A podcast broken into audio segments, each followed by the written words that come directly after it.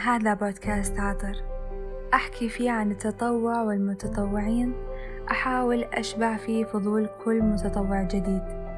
وأشجع من خلاله كل شخص. ما جرب لذة التطوع؟ إنه يجرب يا أهلا وسهلا.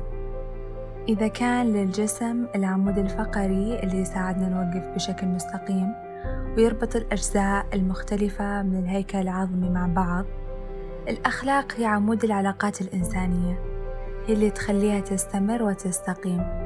وفي التطوع الأخلاق هي الركن الأساسي في تعاملك مع أعضاء فريقك في تعاملك مع قائد الفريق وفي تعاملك مع المستفيدين من مبادرتك. بدون احترام تقدير تقبل لوجهات النظر أو تعاون لا ينهض الفريق ولا يستمر ولا يأتي بثماره المرجوة عشان كذا هذه حلقة مخصصة عن أخلاق التطوع.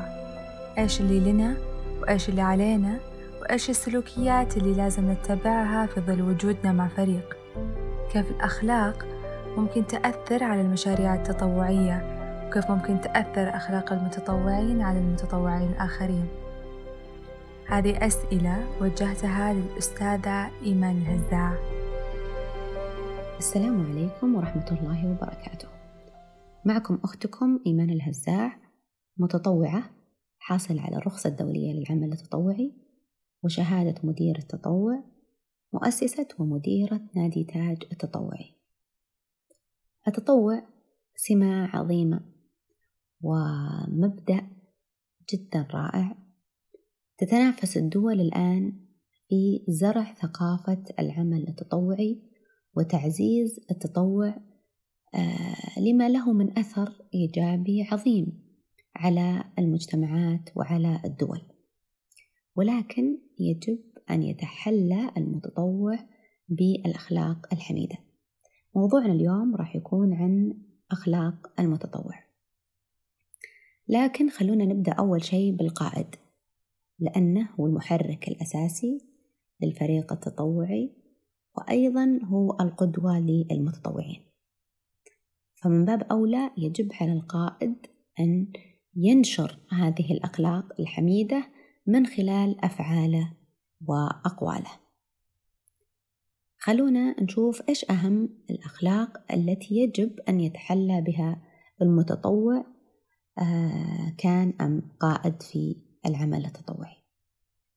أول صفة وأهم صفة هي صفة الأمانة.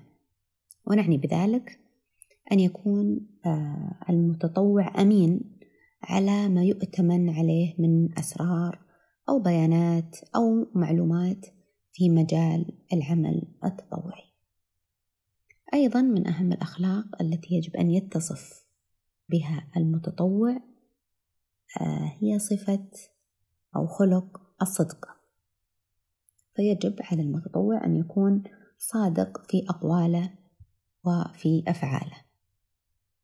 أيضا من أهم المبادئ آه، والأخلاقيات التي يجب تعزيزها في المتطوع وحث المتطوع عليها آه، هو خلق التعاون.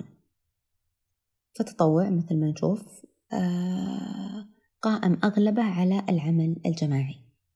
فيجب على المتطوع أن يعلم جيدا أهمية التعاون مع فريق العمل ومع المتطوعين الآخرين الذين يعملون آه، معه. أيضا من أهم الأخلاقيات آه، التي يجب آه، أن يوليها اهتمام المتطوع هو خلق العطاء. فالتطوع بدون عطاء أو المتطوع بدون خلق العطاء لا يصبح متطوع. يجب فعلا أن يكون العطاء خالص آه، من قلبه وأنه فعلا يعطي بحب وشغف آه، بدون انتظار مقابل. آه، الإخلاص من أهم الأخلاقيات أيضا التي يجب أن يتحلى بها المتطوع. الإخلاص في تنفيذ العمل الإخلاص في أداء المهام المطلوبة منه. الإخلاص والإتقان شرط أساسي للعمل التطوعي لننقله من الصورة العادية إلى الصورة الاحترافية التي نطمح لها.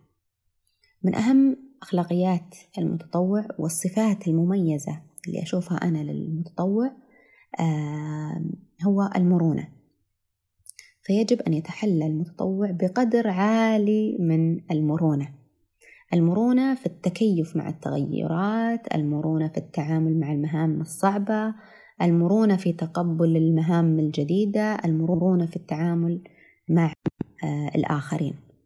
فالمرونة مطلب أساسي جدا لنجاح العمل التطوعي ولاجتياز آه، المتطوع لبعض الصعوبات. من أهم علامات المتطوع المبادرة. فالمتطوع بطبعه مبادر. آه، يجب أن يتحلى بهذا الخلق وأن يكون آه، سباق في العطاء لديه مبادرة في آه، الإقدام على إنجاز المهام على تولي بعض الأمور على المساعدة على اقتراح الأفكار وغيرها من الأمور. أيضا البشاشة. فمن غير المحبب آه، أننا نشوف متطوع آه، متجهم أو غير آه، مبتسم. فالبشاشة مفتاح القلوب أكيد. وأيضا تعطي انطباع جميل عن العمل التطوعي وعن المتطوع. وأيضا يعني تحبب الناس في العمل التطوعي. وترغبهم فيه وتجعلهم آه، يخوضون آه، في هذا المجال الرائع. آه، من أهم أخلاقيات المتطوع التي يجب يتحلى بها هو خلق الإنسانية. فتطوع قائم على مبدأ الإنسانية. هذا الخلق اللي جدا جدا جدا مهم لاجتياز الأعمال التطوعية والمبادرة في الأعمال التطوعية. من أهم الأخلاقيات التي يجب أن يتحلى بها المتطوع والتي تميز متطوع عن آخر آه، هو خلق الالتزام.